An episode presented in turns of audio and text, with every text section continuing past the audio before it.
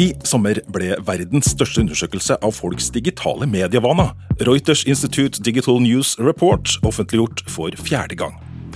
Og for fjerde gang viser rapporten at vi nordmenn er verdensmestere i vilje til å betale for journalistikk. Nesten én av tre av oss eh, har et eller annet plussabonnement hos en eller annen avis. Og vi er helt suverene. Til sammenligning er tallet bare en tredjedel av det det er i Norge i engelsktalende land. Og vi spør oss hva det her gjør med norske medier, og innholdet de lager til oss mediebrukere. Og Senere i sendinga samles mediepanelet for å diskutere en aktuell nyhetssak. Velkommen til mediemagasinet Kurer. Jeg heter Lars Erik Ertsgaard Ringen.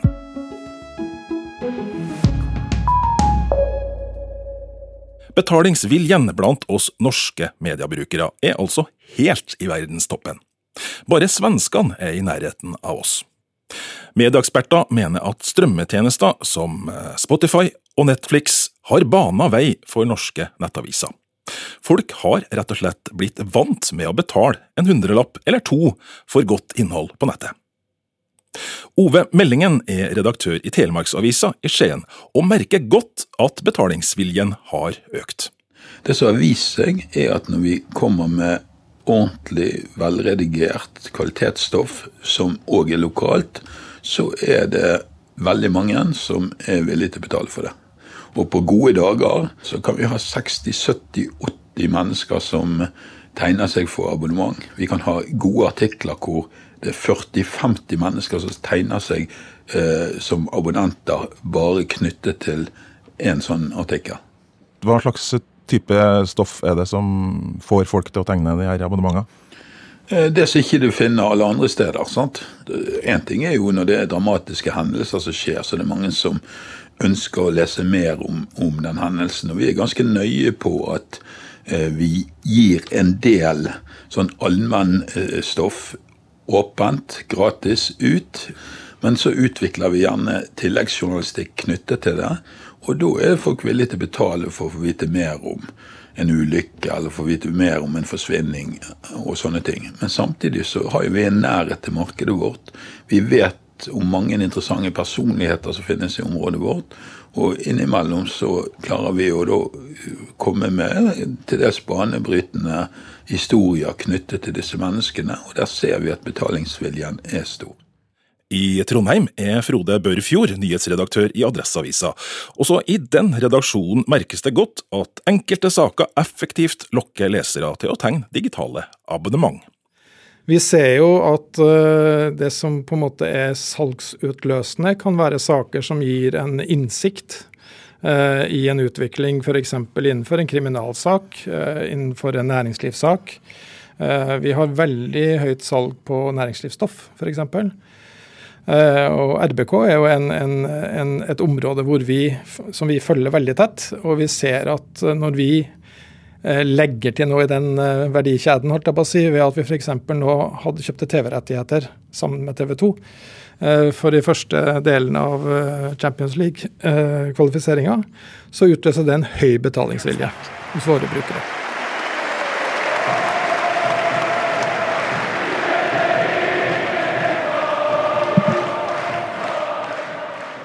Og om fotball skal være en vinneroppskrift i norske aviser, så trenger det slettes ikke å handle om Champions League og Rosenborg.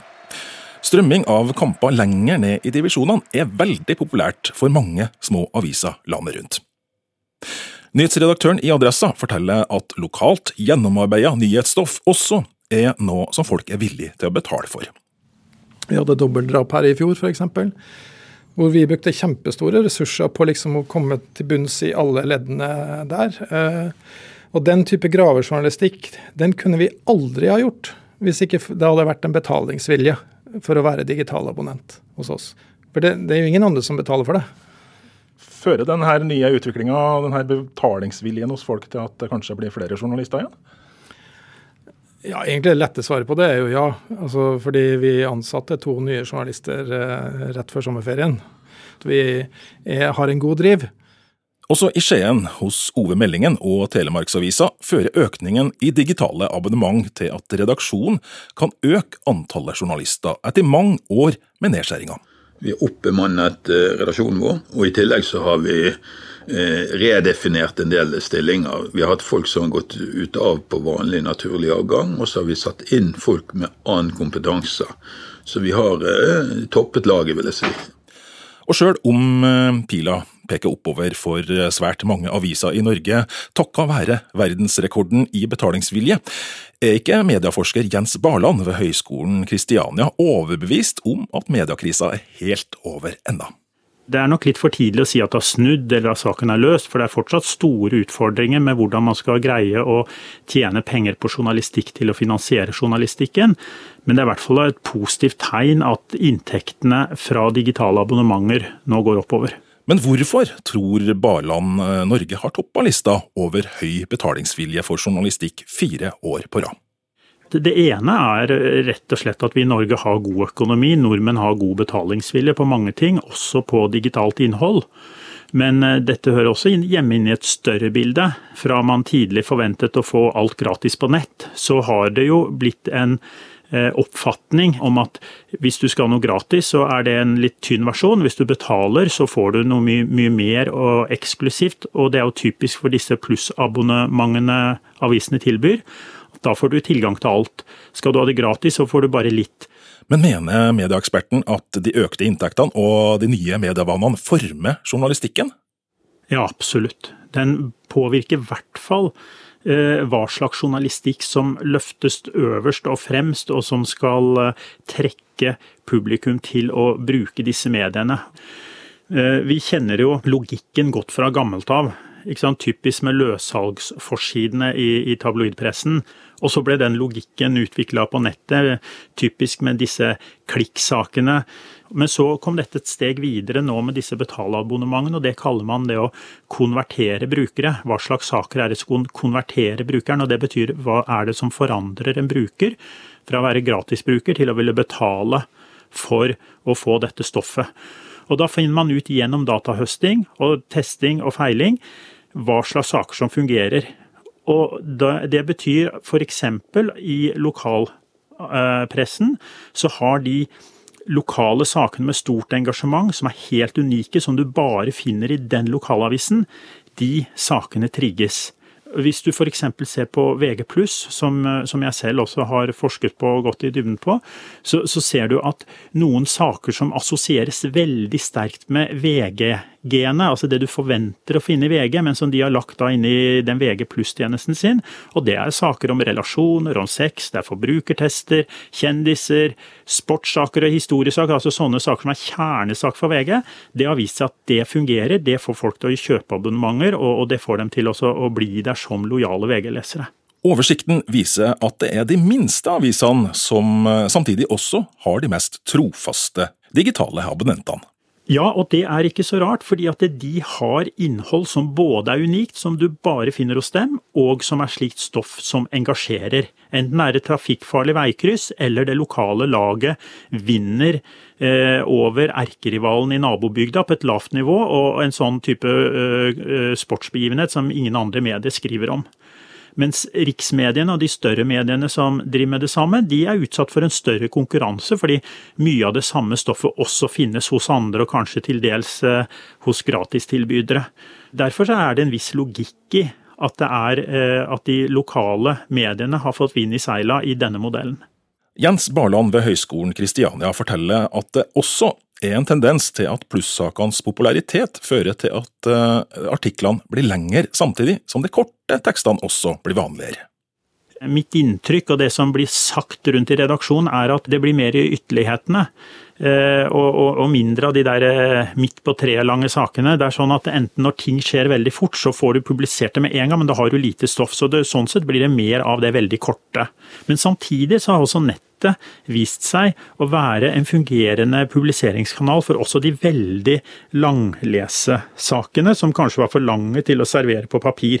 Og Noe man har sett tydelig de seinere årene, er også det at det utvikles nye presentasjonsmetoder som ikke bare er tekst og bilder, men forskjellige visualiseringer, og hvor dette visuelt oppleves på skjermen på ulike måter, og, og visuell grafikk og sånne ting som, som, er litt nye, og som folk gjør seg vant med, og som i hvert fall har vist seg at de, å tendere da mot litt sånn blanding med levende bilder inn i dette, at det er noe som appellerer veldig godt til de yngre leserne.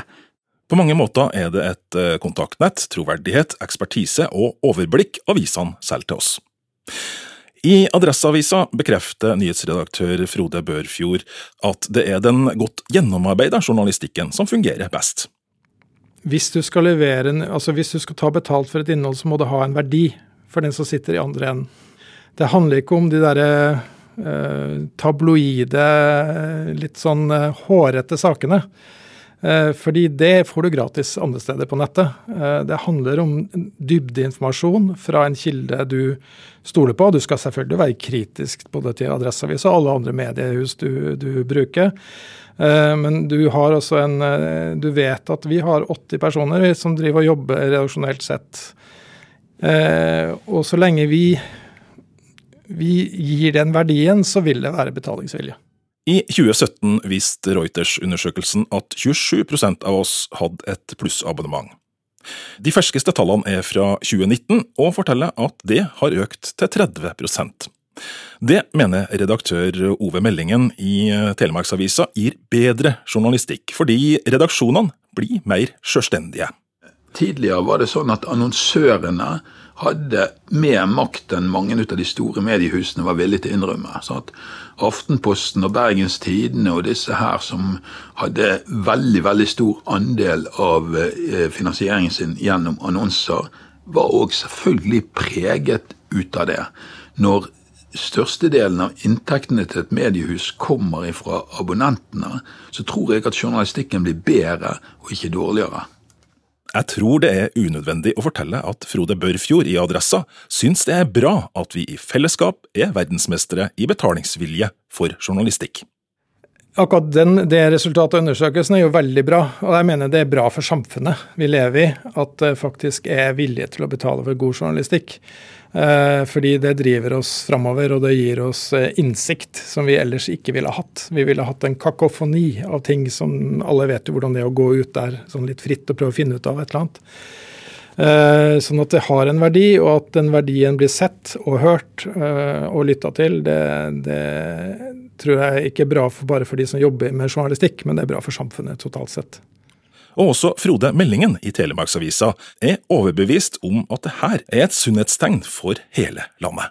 Det er noen som innbiller seg at det er mulig å få til alt gratis. sant? Og sånn som samfunnet er nå, så trenger vi journalister som går i dybden og forsøker å formidle sammenhenger. Forsøker å være kritisk til hvordan samfunnet utvikler seg, men òg forsøker å fortelle hele bildet, og ikke bare de enkle tingene. Og det krever også at vi har inntekter. Eh, vi kan, Rema 1000 og Meny og, og XXL kan ikke være de eneste finansieringskildene hvis vi skal drive med solid kritisk journalistikk.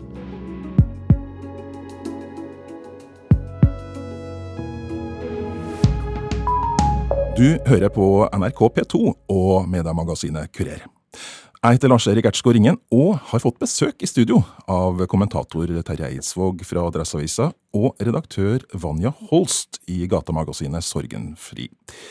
Sammen eh, med politisk redaktør Skjalg Fjellheim i Nordlys, som sitter i studio i Tromsø, så utgjør de ukas mediepanel, som skal snakke om de avgjørelsene og vurderingene som daglig gjøres på innsida av norske redaksjoner. Og i deres redaksjonssalg så har dere lenge hatt et problem, som i mai endte med at dere måtte gjøre et dramatisk valg. Hva slags uh, problem er det vi snakker om? Ja, da snakker vi om tonen i den uh, debatten som har eh, med samiske samfunnsforhold å gjøre. Dette er jo en veldig viktig del av den offentlige samtalen i nord. Det samiske er en viktig del av den nordnorske historien, den nordnorske identiteten. Og vi så etter hvert at diskusjon om ulike spørsmål knytta til det samiske ble eh, et ganske utrivelig Det ble ganske utrivelig å være i dette debattrommet. Og det var et, et mindretall som forpesta debatten med nedsettende og til dels rasistiske og grovt generaliserende utsagn, krenkende utsagn mot samene som gruppe. Så vi valgte da etter nøye betenkning å, å stenge kommentarfeltene for å sende ut et tydelig signal om at vi ikke på vår redaktørstyrte plattform kan akseptere denne tonen, som også bidrar til å stenge mange ute som ønsker å bidra i debatten. Hva slags vurderinger var det som lå bak den avgjørelsen? Nei, altså, Vi er jo et redaktørstyrt medium, og vår plattform skal, våre plattformer skal ikke være et sted for uh, denne type sjikanerende, nedsettende uh, utsagn om samene som folkegruppe. Uh, utsagn som at de ikke har noen verdi, at de ikke har noen plass i det nordnorske samfunnet osv. Det kan vi ikke akseptere. Så handler det også om at vi var nødt til på et tidspunkt å ta et oppgjør med det jeg vil kalle for, um, for uh, faktaresistens i debatten, nemlig denne forestillinga om at samene ikke er et urfolk, som jo gjentas og gjentas og gjentas i, i, til det kjedsommelige. Og vi, vi, vi, kan ikke godta en debatt som, som hele tida har dette som et slags premiss. Terje Eidsvåg, hva tenker du om avgjørelsen de gjorde i Nordlys? Er det bare greit der? Eh, jeg skjønner det jo eh, godt at de valgte den avgjørelsen. Eh, samtidig så syns jeg jo i utgangspunktet at kommentarfelt og brukergenerert innhold er en bra ting. Men det må jo veies opp mot at det også at de her plattformene til avisene fremstår som en, som en raus plass for diskusjon for alle. Og hvis man får en en situasjon hvor eh, noen få eh, både skremmer og truer eller ødelegger for, for mange, så har man et problem. Og det her har vel mange aviser opplevd, eller medieplattformer opplevd, i, en, i enkeltsaker. Men, eh, men generelt så syns jeg det er dumt at kommentarfelt blir stengt, men det er ganske lett å skjønne begrunnelsen. Og så er det, er det ulike årsaker man kanskje kan bøte på det her, eller bedre diskusjonen på avisenes egne plattformer. Vanja Holst, hva, hva, tenker du om allmenntilstanden til diskusjonsforuma til avisene i Norge? Nei, altså, ja, altså Jeg skjønner jo at Nordlys her eh, ville gjøre et poeng ut av, det, ut av at det kommer mye negativt mot samer, eh, og at de eh, da ville understreke det poenget ved å stenge debatten. Men jeg syns det er en veldig merkelig fremgangsmåte når de da stripper folk for for ytringsfriheten om enkelte temaer. Eh, altså at ingen får ytre seg om samer. Samer får jo da heller ikke ytre seg om ting som omhandler dem. Eh, og jeg lurer på om det er noen andre temaer Nordlys eh, får mye oppgulp eh, på. Eh, hvorfor velger man da kun denne ene gruppa og ikke andre? Ja, Du kan jo svare på det, Skjalg. Altså, Det bor veldig mange samer i Nord-Norge. Og som jeg sier, vi som et redaktørstyrt medium kunne ikke akseptere at vi skulle være en plattform der det konsekvent ble slengt ut nedsettende, til dels rasistiske påstander om, om samer. Nå har vi jo åpna kommentarfeltene våre igjen, vi skal kanskje komme tilbake til det. og jeg kan si noe om hva slags effekt det har hatt. Det er klart at jeg helt enig i at eh, kommentarfelt har en demokratisk funksjon, det har en stor verdi. Men det er også viktig for oss å være og faktisk vise at vi er et redaktørstyrt medium, at vi tar redaktørbeslutninger. Og det å ha kontroll over sine egne eh, kommentarfelt, og det å stenge kommentarfeltene i siste instans når man mener dette er nødvendig på våre egne plattformer, det er en viktig del av det å være redaktør i et eh, moderne mediesamfunn. Det er vel ganske vanlig at eh, den type stenging som eh, skjer i Nordlys, skjer i enkeltsaker etter vurderinger. Det som er litt uvanlig, er jo at man eh, nærmest flagger eh, ett område. Eh, men at eh, mange aviser, inkludert min egen, jevnlig enten stenger kommentarfeltet for enkeltsaker etter enkeltvurderinger, eller at man velger å ikke legge ut saker på Facebook f.eks., eller på våre egne Facebook-sider. Men de avis ligger også i et område med samer har det samme problemet her? Eh, nei, vi, når det var Tronte 2017, 100-årsjubileet for det samiske landstinget, så hadde vi, trykte vi faktisk en leder på samisk i Adresseavisen. Det vet jeg, vet jeg ikke om man har gjort i, eller om man kunne ha gjort i Nordlys. og Det fikk vi stort sett positive reaksjoner på. Men det er jo andre eh, felter eh, enn det samepolitiske som, eh, som ofte virker, eller kan virke, som en rød klut på, på både kommentarfelt og våre egne Facebook-sider i Adresseavisen. Ja, jeg har også jobba i medieaviser tidligere, bl.a. i Finnmark. Jeg jobba som frontsjef og måtte inn og røkte kommentarfeltet ofte. I få saker måtte vi der fjerne Facebook-link, bl.a. i en drapssak.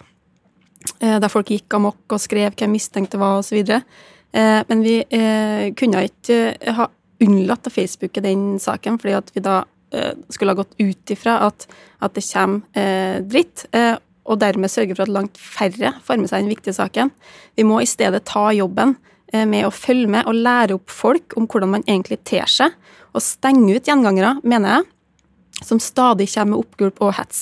Så mener jeg at større mediehus og lokalaviser som er dagsaktuelle, eh, bør legge til rette for en åpen debatt i kommentarfeltene og på Facebook. Eh, og de må sørge for å ha rutiner og ressurser på plass for å røkte kommentarfeltet. Mm. Så, hvordan tenkte dere egentlig? Altså, eh, Vanja her stilte spørsmål om uh, ytringsfriheten, om dere, hvordan dere hadde vurdert det. Hva, hva tenkte dere om det før dere gjorde dette grepet? Ja, Det er selvfølgelig en del av de vurderingene eh, vi, vi, gjorde. Det er jo også Ytringsfriheten har vi jo ivaretatt gjennom at det er fullt. Det er jo fremdeles anledning for alle til å sende innlegg til Nordlys om samepolitiske spørsmål. Og De vil jo bli vurdert i forhold til eh, Vær varsom-plakaten og norsk eh, lovverk, om de er innafor der. Sånn som vi gjør vurderinger i forhold til alle, alle andre debattinnlegg. Så jeg vil jo liksom reservere meg litt mot at vi har knebla ytringsfriheten. Vi har altså stengt noen kommentarfelt på ett saksområde i en kort periode. Eh, sånn at eh, man kan kanskje avdramatisere dette eh, litt, da. Men du, kort, hvordan gikk det når dere åpna feltet igjen etter tre uker?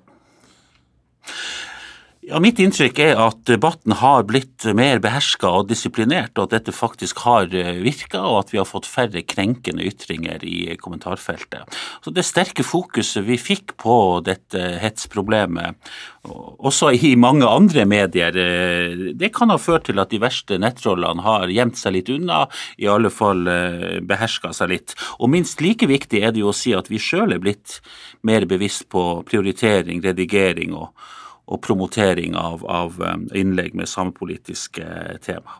Men Vanja, før vi legger temaet helt ifra oss, eh, så er det ikke bare på avisenes egne plattformer at diskusjonene foregår. Mange aviser legger ut eh, stoff på sosiale medier, f.eks. Facebook. Hva er problemet der i forhold til å gjøre det på egne plattformer? Eh, det er jo ofte det at man kan miste litt kontrollen, altså hvis det er saker som eksploderer der. Så det er jo, det er jo problematisk. Men altså, eh, store mediehuser og lokalaviser må jo henge med på utviklinga der, og heller sørge for å, som jeg sa tidligere, ha eh, ressurser og gode nok rutiner. Eh, sånn at man heller enn å kneble debatten, kan være med på å oppdra folk. Og så mener jeg at hvis det er personer, enkeltpersoner, som gang på gang eh, kommer med hets og mobbing, ja, så er det grunnlag for å stenge dem ut. Jeg, jeg, synes, jeg reagerer litt på den fremstillinga til Vanja her om at vi liksom har knebla demokratiet. Det har vi ikke gjort. Vi har forsøkt å gjøre jobben vår som redaktører. Vi har sagt fra at her går grensen. Vi ønsker folkeskikk i våre kommentarfelt. Og de som ikke kan følge, den, kan følge våre retningslinjer, altså det, det får en konsekvens. Og konsekvensen ble at vi stengte kommentarfeltene i en kort periode. Og da er det på tide å runde av eh, for i dag. Takk til Vanja Holst eh, fra gatemagasinet Sorgenfri her i Trondheim, Terje Eidsvåg fra Adressa og Skjalg Fjellheim i Nordlys. Jeg heter Lars-Erik Ertsgaard Ringen og minner deg på om at du kan nå oss eh, i Kurerredaksjonen på e-post. Adressa er kurer. Krøllalfa nrk.no.